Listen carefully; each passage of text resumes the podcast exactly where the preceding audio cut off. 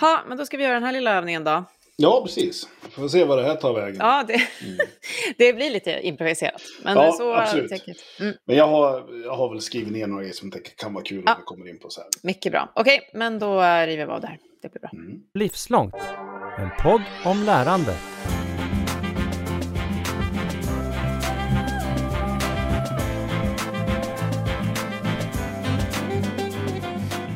Idag har vi en riktig favoritgäst med oss i Livslångt, visst då?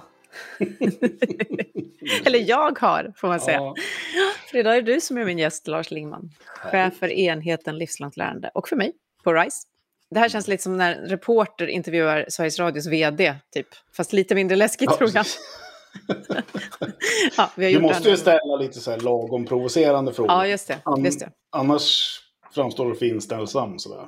Ja. Mm. I alla fall, om det hade varit för Sveriges Radio så hade det varit så. Det hör man väldigt mm. tydligt. Ja. Mm. Men vi har ju fått lite propåer sådär att man vill höra lite mer av oss också som mm. gör den här podden. Det här är ju inte riktigt det enda vi gör, utan vi håller ju på inom det här fältet om dagarna. Men hur ska jag beskriva dig då? Vi har, liksom, lyssnare till oss har ju följt dig och tycker säkert att de känner dig lite. Men jag vet, favoritfrågan, vem är du, Lars? Vem är jag? Ja, jag är ju en, eh, en 50-åring då, ganska nybliven.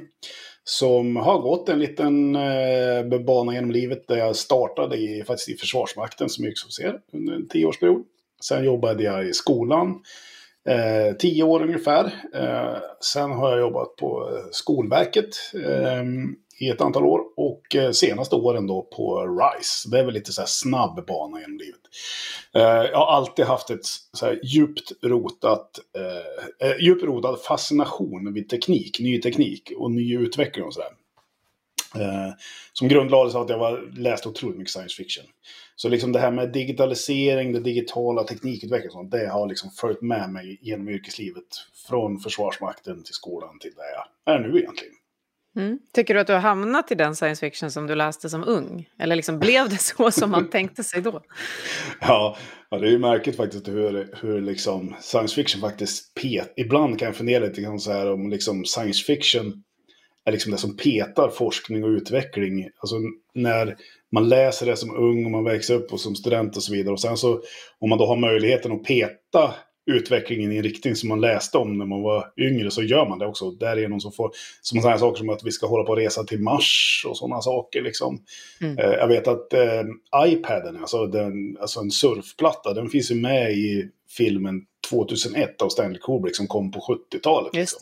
Jättetydligt finns det med en sån enhet där. Liksom. Mm.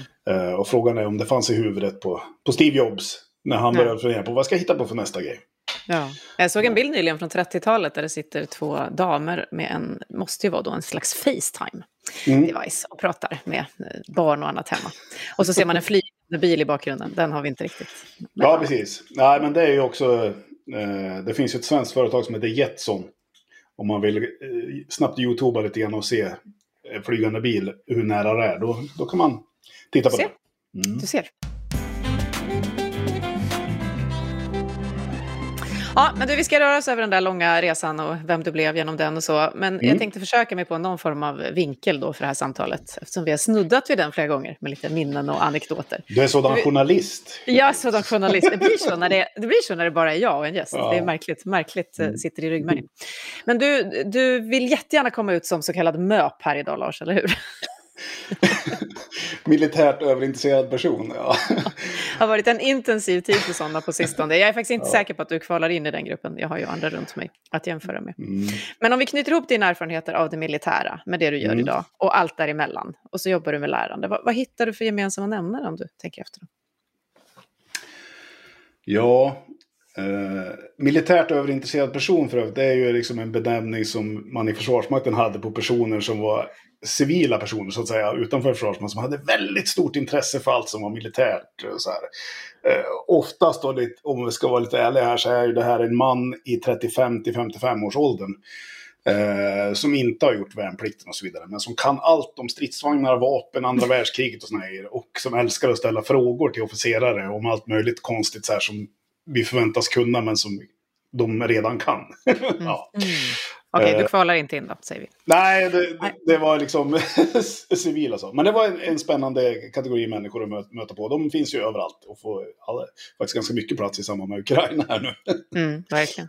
Medelålders män som vet allt om eh, kriget. Absolut. Men, eh, ja, min bana eh, genom det som jag tror har legat med mig hela vägen. Och det började egentligen mycket tidigt. Liksom, så här. Det var att jag, jag märkte att jag hade en, jag hade en viss, jag var rätt bra på att lära andra människor. Stå framför eh, människor eller jobba med dem tillsammans i grupper och lära andra om saker och ting. Berätta om saker och ting. Eh, typ någon form av lärande storytelling. Liksom. Det här upptäckte jag redan liksom lite grann i, i, i skolan faktiskt i olika saker där när jag gjorde liksom skolbok. Jag gjorde allting utom att studera ska man säga i gymnasiet. eh, skolbok, festkommitté, finlandsresa, elevråd, alla de där grejerna gjorde jag istället. Eh, men sen också jag var liksom eh, skidlärare och jag var tränare i karate och sådana saker. Och sen så kom jag in i Försvarsmakten. Så hela den här grejen med att, att lära ut eh, det pedagogiska, det är liksom den tråden som har följt med mig genom hela livet. Eh, dit eh, mm. jag är idag faktiskt, i stor utsträckning. Det finns ju ett sånt uttryck som är you teach what you gotta learn. Så det kanske har varit ditt, ditt sätt att ta dig an lärandet då? Ja, kanske lite så. Men det har varit en stor tillgång för mig att jag väldigt, väldigt tidigt eh, fick den här liksom, lärarrollen, utbildarrollen eller instruktörsrollen. Det har liksom skapat mig en förkant hela tiden i alla moment som jag kom in i livet som har varit otroligt betydelsefullt för mig faktiskt. Eh, och jag började den banan redan när jag var typ 15 år, 14 år till och med, när jag började som skidlärare för, för liksom 4-5-åringar i den lilla skidbacken som jag är uppvuxen bredvid. Så det är mm, mm. en, en skola genom livet. Säg de roligaste eller så här minnena som har stannat kvar mest från olika sådana situationer. Skidbacken är en, men vad har du för, från det militära och senare? Ja, från skidbacken så är det lite så att jag kommer ihåg eh, att jag hittade på, eller det kan vara någon som lärde mig, eller så kom jag liksom på det, att när man ska lära ett barn att ploga, vilket man lärde barnen då rätt mycket, mm. nu gör man inte det med att det är nya typer av skidor, men då om jag åkte och plogade baklänges, böjde på ryggen och höll ihop skidspetsarna, för problemet var att de små barnen skulle hålla ihop skidspetsarna och få till den här plogen. Just kunde jag hålla ihop skidspetsarna med ena handen och svänga liksom, så de kunde få känna på hur man plog. Det där var ett väldigt effektivt att jättesnabbt lära dem ploga. Istället för att stå vid sidan om och visa och så skulle de prova på sig. Just det, och så far skidorna åt alla håll. Ja. Alltså att, att ligga sen på kvällen i sängen och bara känna vad är det som händer i min rygg? Ah. Då inser man att, och som 15-åring fixar man ju det med att åka tre timmar, för det var ju tre utbildningspass på raken liksom. Mm. Med sju, åtta ungar i grupp liksom. Att åka på det här viset, tre timmar i sträck, det tog även på 15-åringens rygg. Så det var en, det var en hård det, det gjorde du inte om med dina egna barn sen? Då, jo, faktiskt. men, men då var det inte lika länge, då, typ så fem minuter orkar man. Ja, ja. ja förstår. Men, mm. Eh, nej men eh, alltså det, det jag verkligen fick eh, liksom inte bara då praktiserat, utan även liksom reflektera och prata om lärande och utbildning. Det var ju när jag hamnade då i Försvarsmakten. Dels redan som värnpliktig då jag var eh, gruppbefäl där, men framförallt då när jag hamnade på officersskolan. Att liksom få höra, sätta ord på de här sakerna och kanske också någon utsträckning få syn på forskning och beprövad erfarenhet kring hur man lär ut och hur det kan fungera. Och liksom, eh, att hitta ett sätt att prata om det som jag någons, på någon mån hade viss framkant kring innan. Det var, det var ju ett otroligt liksom, givande eh, tillfälle. Eller mm. givande liksom, process faktiskt under Försvarsmakten.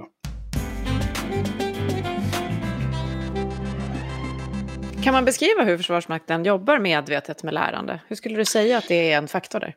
Vi ska vara väldigt medvetna om att det är nästan 20 år sedan jag lämnade nu. Så jag tror att Försvarsmakten idag den är nog väldigt skild från det jag upplevde. Men jag tänker att det kan vara roligt att höra hur det var på, på den tiden så att säga. Och många lyssnare kanske är av den den generationen också som gjorde värnplikten då, vilket gör att man kan relatera till det och så vidare. Eh, mm. Ja, men det finns många, det finns många så föreställningar om Försvarsmakten som man behöver faktiskt utmana. En av de, de vanligaste föreställningarna är att alla tänker om det här som ett otroligt hierarkiskt, toppstyrt liksom så här verksamhet som, som liksom verkligen är supersträng och hård och så här, va? Och oftast är det ganska mycket av det man får syn på när man är värnpliktig och så. Men eh, saken med det där är att det går inte att utbilda en välfungerande liksom, försvarsmakt eh, som bara är toppstyrd, som måste ha det direkt. Utan det måste finnas hela vägen ut, längst ut på de enskilda värnpliktiga och soldaten så måste det finnas kraftfull kapacitet att ta egna initiativ. Om vi tar den yttersta situationen då med kriget så att säga. Den, den otroligt speciella situation som det är och som man övar på kontinuerligt i Försvarsmakten. Då måste man kunna ha liksom ansvarstagande och liksom initiativrikedom genom hela organisationen som inte är beroende av att det står en officer eller en chef och talar om exakt hur man ska göra. Mm. Men samtidigt så är det ju en sån allvarlig verksamhet och så farligt att det heller inte kan vara liksom... Shark Organization. Spring och gör vad ni vill. Nej, precis. Det går ju absolut inte. Och den här dynamiken är så mycket mer komplex än vad man får syn på när man tittar på militärt ledarskap utifrån. Och allas bild av militärt ledarskap är, är liksom... Det kommer ju ur film. Man har sett filmer som Full Metal Jacket som var populär för de som är i vår generation och sådär. Mm. Där man får syn på en viss typ av militärt ledarskap liksom. Men, eh, och i det, jag tror att det här har moderniserats ytterligare avsevärt. Mm. Um, en stor grej då på den tiden, ja, det var situationsanpassat ledarskap. Alltså att som ledare kunna anpassa sig utifrån vad som behövdes för soldaterna, för gruppen eller plutonen eller vad det var nu man ledde. Uh, I de olika sammanhangen det var en sak att vara ledarskap när vi hade liksom lektioner och verksamhet på regementet. En annan sak när vi övade liksom hela vägen ut krigsliknande situationer med skarp ammunition ute på öar i Stockholms skärgård. Mm. Två olika saker som man behövde anpassa. Eller när soldaterna inte hade sovit på fem dagar och gått sju mil och sådär. Då behövs det någonting annat. Du, eftersom du nämnde Ukraina så har det väl talats en del, eh, tycker jag, i rapporteringen om det, om just Rysslands problem med den här hierarkiska, eh, i alla fall spekuleras ja. i det, att om man då har ett så pass mm. hierarkiskt system som där så kan det då bli stora problem när det väl är skarpt läge, mm. för att man väntar på någon eh, så. Men, och då nämnde du situationsanpassat ledarskap lite i, i samma vända. Och jag som har jobbat mycket med organisationsutveckling genom åren ser ju att många modeller kommer just från Försvarsmakten eller det militära, mm. där det finns mm. flera, som är byggda på att man har studerat hur hur man agerar, till exempel i krig. Så. Mm. Utifrån det du beskrev, vad, vad, kan andra organisationer lära av det här? Vi har ju också olika sorters situationer i vår vardag, även om det inte är krig som ytterst. Mm. Ja, nej, men det finns mycket forskningsteorier kring ledarskap och grupppsykologi som baseras på erfarenheter från krig eh, på grund av då att det är någon form av yttersta liksom, situationen kring en gruppsdynamik och ledarskap. Och vad är det som fungerar där? Det måste ju fungera överallt annars också. Och på 70 och 80-talen, och viss del 90-tal, så var ju det här liksom väldigt centralt. Eh, nu har man väl nyanserat den här bilden av att ja, det, finns, det finns som sagt ledarskap som behöver passa i alla möjliga situationer. En stor teori som jag inte vet om alla vet kommer från, från att man har tittat på eh, besättningar på eh, fartyg i israeliska flottan, det är ju FIRO-cirkeln. Den är indelningen i, i en grupps utveckling i olika faser. Eh, delar av Firewall-cirkeln har utmanats lite grann eh, vetenskapligt nu på senare år och eh, det finns nya modeller och så vidare. Men i grund och botten så finns det någonting rimligt i, i den. Och den kommer, det är bland annat, det är nog en av de mer kända som kommer just ur forskning på, på militär verksamhet. Mm. Um, och jag tror att den, den har nog tillfört en hel del över åren tror jag. Det är många som fortfarande pratar om den, även om den ja. är integrerad nu i Susan Whelans forskning. Så, men den är ja, ju precis. verkligen närvarande för många märken. Mm. En annan sån, det är ju det som många ledare har gått UGL-kurser. Utveckling gruppledare. Och det kommer ju också från ett militärt sammanhang, så där är ju den utvecklad så att säga. Eh, och många har ju haft eh, väldigt intressanta veckor med UGL-utbildning. Mm, mm. det var en av de spänstigaste grejerna som man höll på med som officer faktiskt. Det var UGL. Eh, ja, och vad gör den så spänstig? Förklara det. Det är för att eh, man kommer väldigt snabbt till insikten om att eh, mitt ledarskap måste grundas i min kunskap om mig själv. Eh, det är där jag måste ta starten någonstans. För att jag ska kunna vara en effektiv ledare så måste jag veta hur jag själv fungerar. Ska jag använda feedback så måste jag först veta hur reagerar jag på feedback? Hur fungerar feedback för mig? Och det, det där är eh, för många unga som precis har kommit till, det här gjorde man på min tid, då, vecka två tror jag på officersskolan var det UGL, pang på mm. direkt. Eh, och det här kunde bli en hård skola för många eh, som inte hade, mig också, som inte hade reflekterat mycket om sitt ledarskap och vad det innebär och hur det kunde se ut och kanske också ganska mycket om sig själv. Det finns övningar där i som är liksom Nu kan ju UGL genomföras på många olika sätt, men vi hade övningar som helt enkelt gick ut på att det skulle bli konflikt i gruppen. Just det. Eh. det, det gör rätt ont att möta de där mm, sidorna. Mm. Mm. Tårar och annat, inte alls ovanligt. Nej. Men har du något, någon känsla av, där eller någon annanstans, att du själv har fått en sån här serietidningsglödlampa av insikt eller lärande från de här olika sakerna ja. som har hänt dig? Antingen när du var befäl och ledde andra eller när du själv... Mm. En, en sån här, nu när du säger det, en sån epiphany eller vad man ska säga som, som var väldigt betydelsefull för mig som jag har faktiskt problem med fortfarande i den här rollen att stå, stå på scen och lära ut och liksom leda och så här. Det var när jag, jag, jag hade, jag var, hade, jag var nog typ fänrik då, så jag hade lämnat officersskolan men var nybliven officer. Och då hade man alltid, när man hade övningar så hade jag ofta med, var det ofta med en äldre officer som liksom tittade på övningen och gav en feedback efteråt. Det här var inbyggt systematiskt. Otroligt bra. En av de mm. grejerna som jag verkligen måste rekommendera precis alla. Om man är ledare eller lärare, utbildare, att man någon gång låter någon sitta och ha uppgiften att reflektera om vad jag gör och hur jag gör. Det kan vara att man ber någon på person personalmöte titta på hur jag gör det, eller i en lektion och så vidare. Det, är, det finns så otroliga värden att hitta i den typ, att få den typen av reflektion kring sitt arbete. Men då kommer jag ihåg, då hade jag en, hade, hade en lektion i hur man skulle kasta handgranat. Ganska Sådär som man har. Ja, det, det, är mycket av det här är, framstår ju för mig också nu så efter en helt bisarrt. Men mm. och det är ganska viktigt att det blir rätt. att man har förstått jo. hur det ska gå till. Och då visade det sig att när jag eh, jag hade en whiteboardpenna i handen hela tiden under lektionen. Och när jag skulle komma till de viktigaste punkterna, då började jag liksom snurra whiteboardpennan mellan fingrarna på ett sätt som... Och på den tiden hade jag mm. flinka fingrar, så det gick det väldigt fort. Och det gjorde ju att eh, de värnpliktiga de tittade på den snurrande pennan istället för att lyssna på vad det viktiga jag hade att säga. Eh, Superdistraherande. Superdistraherande kan man säga. eh, och det där höll jag på med återkommande under det här lektionspasset. Så det var ju, ja det var en sån där, okej okay, det där eh, måste jag ju faktiskt tänka på. Men det har jag låter som att det var något för dig att koncentrera dig, att det blev så. Att det liksom... Ja, det var väl något ja. sånt förmodligen ja. liksom, som sitter med. Och det, men det där måste jag faktiskt fortfarande tänka på, för det, jag har lätt att stå och fippla med någonting när jag pratar faktiskt. Mm. Mm. Ja, jag får också tänka på vad jag har i händerna och sådär. Men sen lämnade du det här militära och vandrade vidare till skolans värld och blev skolledare och så till Skolverket som du sa och så är du med mm. oss nu. Um, mm. Hur blev det så då? Hur kommer det sig att den, du tog den vägen? Ja, det var faktiskt så att det regemente som jag, skulle jobba, som jag jobbade på var eh, Amfett eh, i Vaxholm, K1 hette det tidigare, och det skulle flyttas till Berga. Jag var inte så sugen på att vara med och göra den där flytten. Eh, och då i samband med det så fick jag ett erbjudande om att eh, en biträdande rektorstjänst faktiskt, eh, på en skola, eh, en högstadieskola i eh, Danderyds kommun. Eh, jag tänkte jag hoppar på det där, kör det ett år tjänstledigt och så kan jag gå tillbaka sen när regementet har flyttat. Men jag ska vara lite krass så var det ganska mycket där faktiskt. Men eh, så blev det icke. Nej, alltså, vad upptäckte du då? Vad fick dig att gå vidare i det här lärandet? Träsket, jag på att säga. Ja, ja, men jag, hade ju, dels hade jag fantastiska kollegor där. Eh, den rektorn som jag jobbade med och en kollega som biträdande rektor. Vi var en trio som var, hade ett otroligt fint samspel. Eh, jag, tyck, jag har alltid tyckt att det var otroligt roligt att jobba med unga människor. Värnpliktiga, men sen då ännu yngre högstadieelever och så vidare. Och det där, jag har alltid tyckt att det har varit fantastiskt roligt att ha sådana människor runt omkring sig hela tiden. Eh, så det lockade ju liksom ännu mer.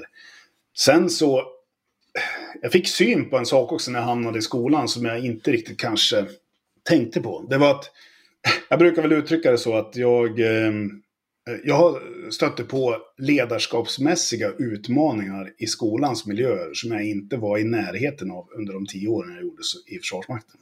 Och då var jag åtta månader i Jugoslavien också. Uh, och det här, det låter ju Vad är det för slags utmaningar? Ja men, det har, ja, men det har ju att göra med den, den känslomässiga dynamik som finns kopplat till unga människor som är någons dotter eller son. Och som jag också som ledare då i skolan också ser är unga människor.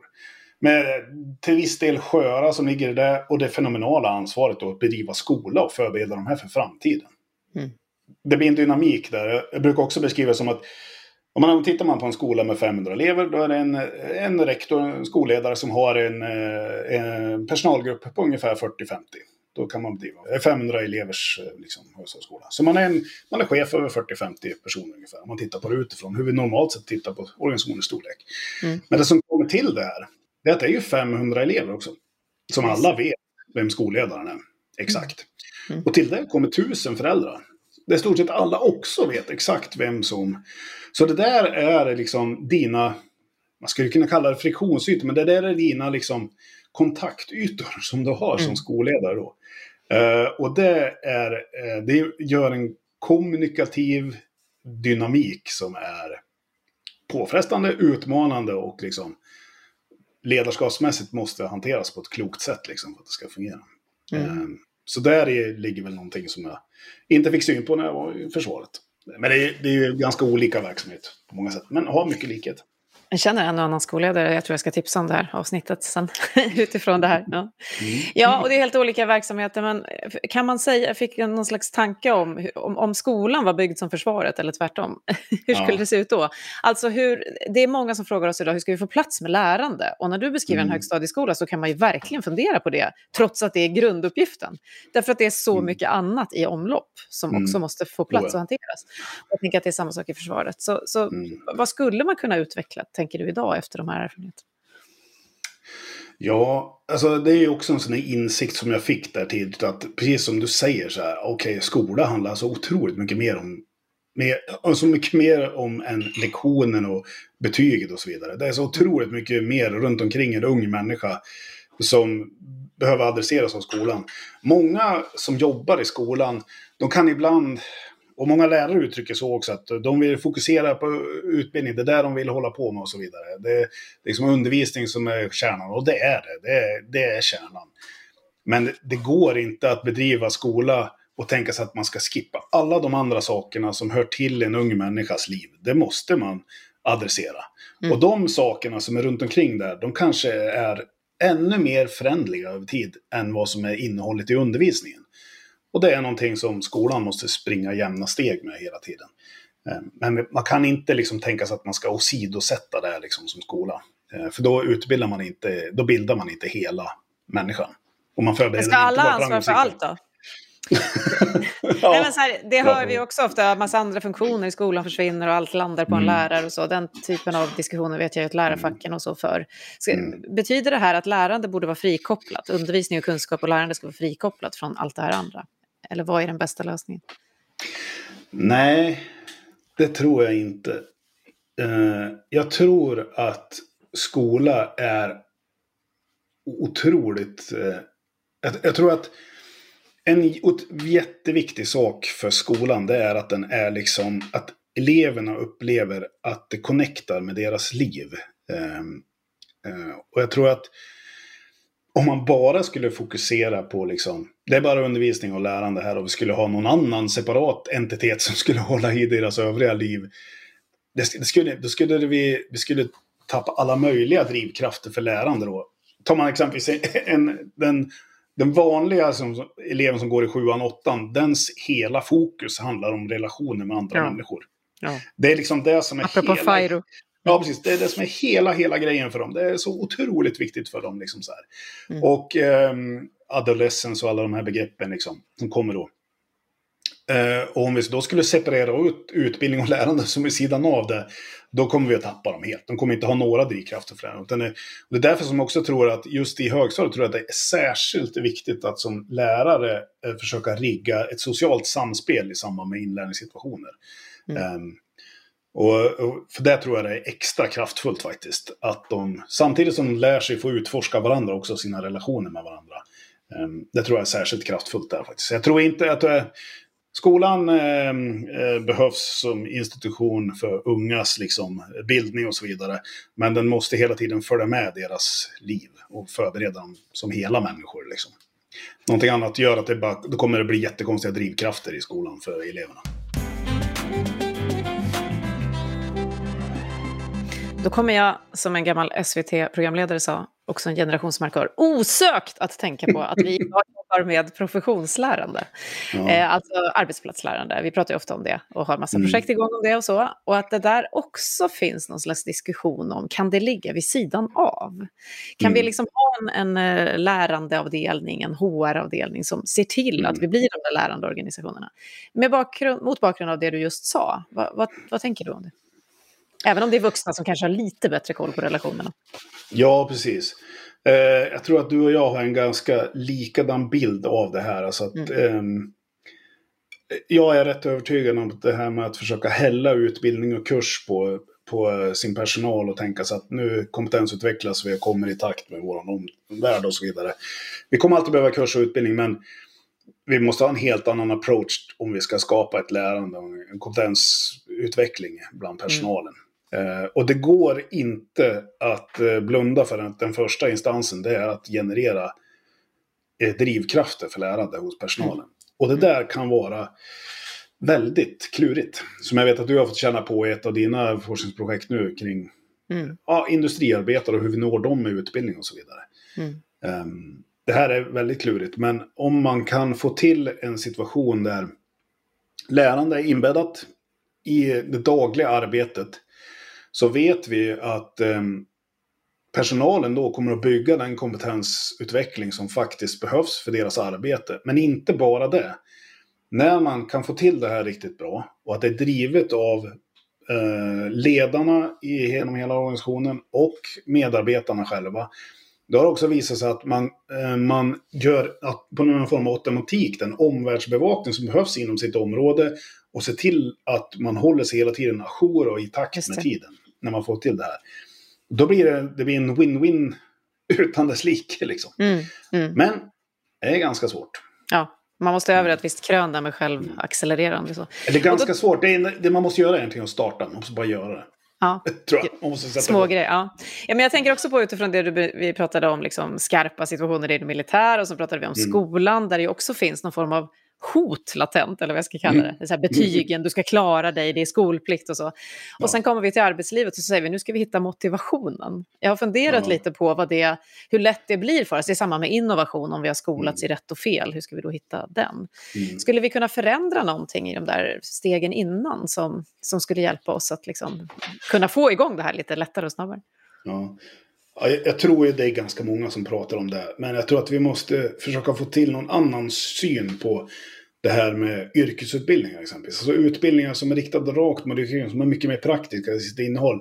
De, har, de får hela tiden, även i styrdokumenten så vidare, så liksom tonas de ner eller beskrivs på ett sätt som mm. att de inte kanske hade samma värden och så vidare.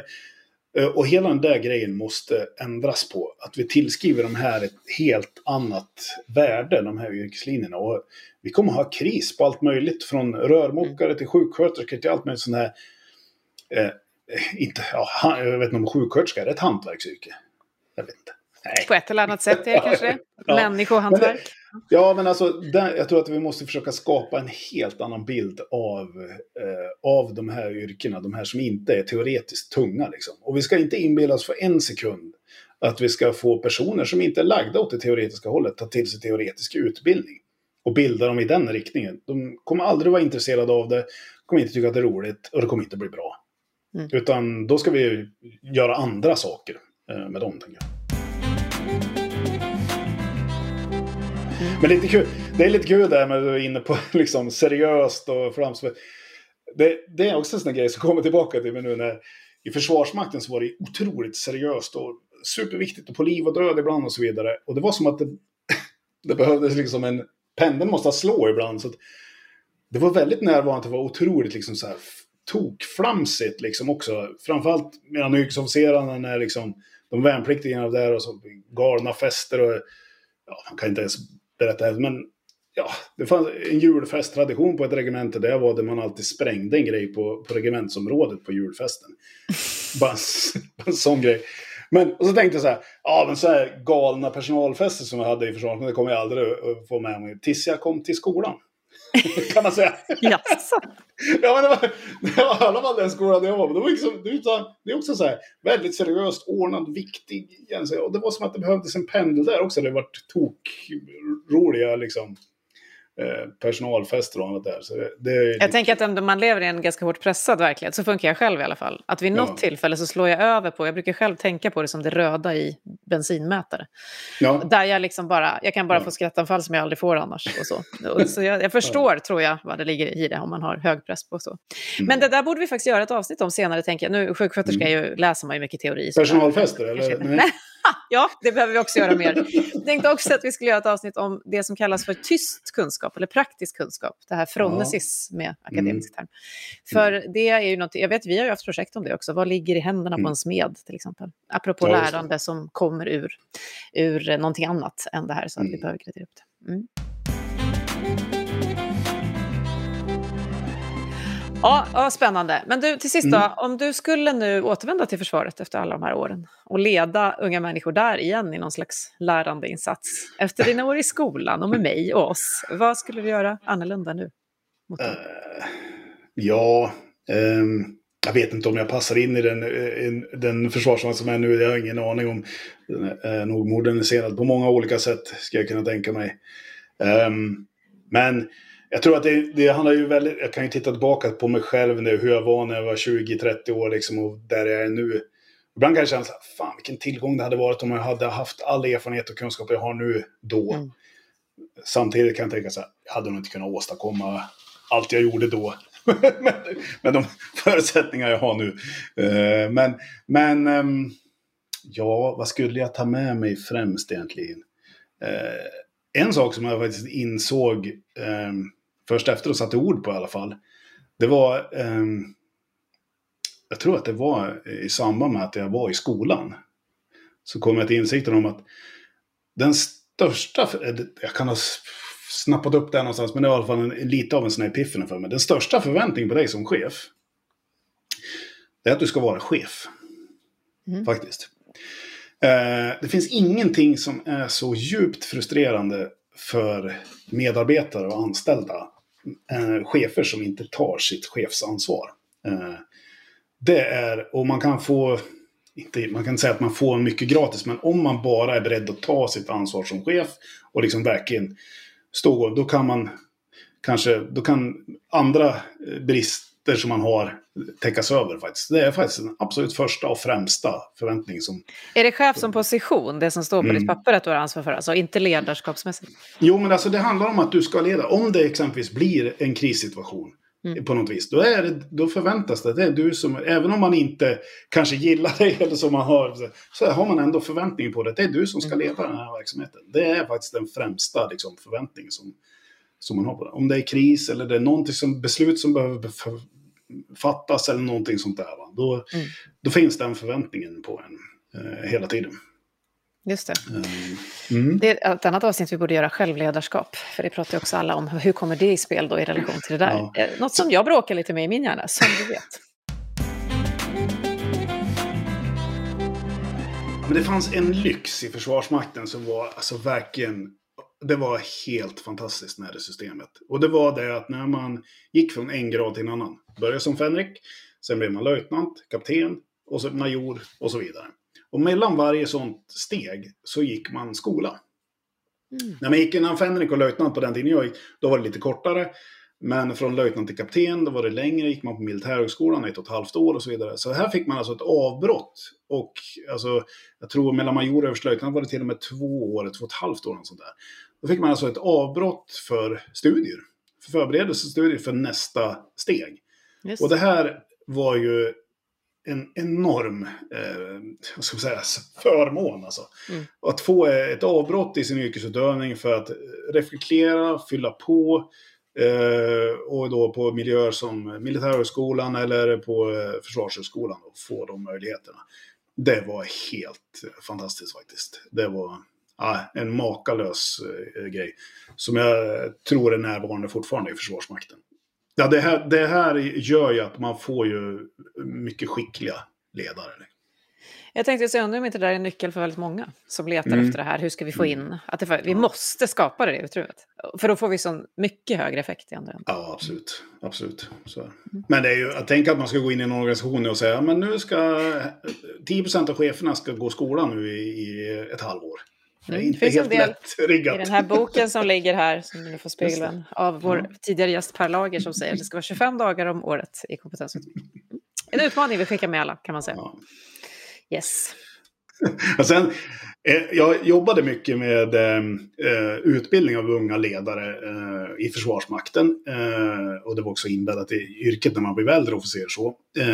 Men också så omsatte jag det sen jag, jag och, gjorde också utbildningar för gymnasieelever kring ledarskap, föreläste och så vidare. Och det som jag insåg då också, det är att jag tror att vi när vi ska prata ledarskap med unga människor, då, då ska vi liksom hålla på med FIRE och sådana här saker. Vi ska liksom teoretisera så här. Men mm. deras behov, det ligger otroligt mycket närmare till hans. Jag kommer ihåg en av de mest uppskattade övningar jag gjorde, det var när jag lärde dem att skaka hand. Mm. Vet du hur man gör, Nej, en, hur man gör den bästa... Ja, men, eh, hur man gör en handskakning, handskakning som upplevs som bra av bägge oss två som skakar hand. Hur ska man göra då?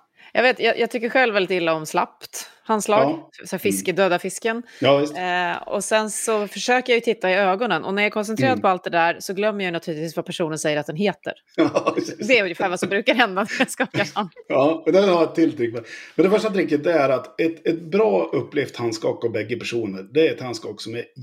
Du, du känner av, om du möter någon som skakar med död fisk så ska du svara med död fisk. Du ska inte nypa i då. Ah. Möter du någon som tar i hårt, då ska du också ta i lite grann. Så, här. Så du ska försöka möta upp den personen så det blir en jämnstyrka där i. Och så sen hade jag ett trix också. att när någon säger äh, hej, då svarar jag ja, hej Katarina. För då ah. har jag sagt namnet. och då, det. Hej Katarina, Lars heter jag. Just då fastnar det lite bättre för mig i alla fall. Och jag pratar en del också om så socialt avstånd, alltså hur, vad det är för någonting. Vad det in, mm. har, ni, har ni träffat på en close talker någon gång? Någon som står lite för nära någon gång när man pratar? I din egen zon där du inte Exakt, i din egen zon. Mm. Och då pratar jag lite grann om hur man kan använda det som ledare för att få uppmärksamhet. Att gå lite för nära. På det viset kan jag få väldig uppmärksamhet av en person som kanske har tappat mig lite. Eh, och sådana där grejer. Ja visst, och, de bara, och det här det, det satte som, och det är ju precis de där första liksom, små stegen som man tar som ung ledare när man ska in. Fire-cirkeln jättebra, men det är de här grejerna, första liksom, hantverket på något vis. Mm. Och just det här med kroppsspråk, det har jag alltid haft en fascination för. Nu. Och det var också en sån här, att försöka läsa kroppsspråk. Där hade jag också en, en, en dragning där jag pratade om, eh, jag tänkte att jag ska sälja på det här på de här unga gymnasisterna genom att prata om kärlekens kroppsspråk. Mm. och då var det ju väldigt intresse så att säga. Tre sekunder. Ja, precis. Så är de alerta. Ja. ja, det finns ju några grejer där. Man ska veta när kroppsspråk, då måste man alltid ha flera signaler för att kunna säga att ja, det är precis det här som den här personen känner nu. Men, ja, men en grej var ju liksom att en, en, en kvinna exempelvis har en förmåga att peka sina fötter mot den personen hon är intresserad över om man står i en grupp. Huvudet kan vända bort och visa ointresse, men fötterna pekar oftast ditåt man har ett visst intresse. Är det här belagt alltså? ja, oh det finns God. bra. Oh my God. Men det är så här, man måste alltså alltid ha flera signaler. Det räcker inte med en signal. Så. Men det är en, en annan var männen då. då är, ja, det är ju stenåldersmän. Men vi försöker liksom, om vi har ett intresse, då försöker vi liksom accentuera eh, underlivet så att säga. Så att om en mm. man står med händerna i fickorna, egentligen så pekar vi ju liksom ner mot det kan ju, när man tittar på det först kan det framstå åh vad ointresserad han är med händerna i fickorna. Men mm, det kanske det kan inte. vara andra saker sen. Så det, då, då, när man pratar om sådana här saker, då fick man ett väldigt intresse. Men i det, eh, tror jag det. Ja, det finns ett väldigt intressant eh, spår kring ledarskap och vara, ledare. Att just titta på kroppsspråk som kan ge en väldigt mycket hjälp som ledare. Faktiskt, hur man ska möta människor situationsanpassat. Mm. Genom att kunna läsa av kroppsspråk i grupp och sen se. Vem har jag tappat nu? Vem har med mig? Vem har förstått? Vem är tveksam? Vem är ledsen? Vem är arg? Yes. Mm. Ja, knyter ihop det här jättefint ju, eftersom vi ser då att även vuxnas eh, situationer, tillvaro, vardag, lärande bygger ju på eh, att vi är människor med varandra, alltså på relationer. Mm. Så att, eh, ja men superkul att få följa med på din resa. Nytt även för mig i den såklart. ja. Eftersom vi borrade i det. Så då uh, säger vi tack till veckans gäst, Lars Lingman då, för att du kom till mig och berättade om din tid i det militära. Och inte MÖP då, mm. men militärt kunnig och erfarenheter. Mm. Ja, tack för att jag fick vara gäst i min egen podd. Det var en ny upplevelse. Ja, exakt, exakt. Också jag har ju faktiskt fått vara det lately. Ja. Ha en bra dag Lars. Detsamma Katrin. Hej då. Du har just hört Livslångt, en podd från RISE om allt det där man lär sig i livet. Vi hörs om en vecka igen. Semestertider. Tid för reflektion. God mat, stranden, bada i havet, familjen. Och reflektion. Kanske tankar om att pröva någonting nytt. Hur ska du till exempel jobba med ditt livslånga lärande framöver? För dig som högsta ledare i offentlig sektor erbjuder vi på RISE Akademin för livslångt lärande. En oberoende arena där du rustas i att leda utvecklingen i frågor som rör digitalisering, innovation, teknik och invånarcentrering. Lärandet baseras på RISE-forskning, insikter från näringslivet och samtal och diskussioner med kollegor inom samma område. Låter det intressant? Läs mer på afll.se.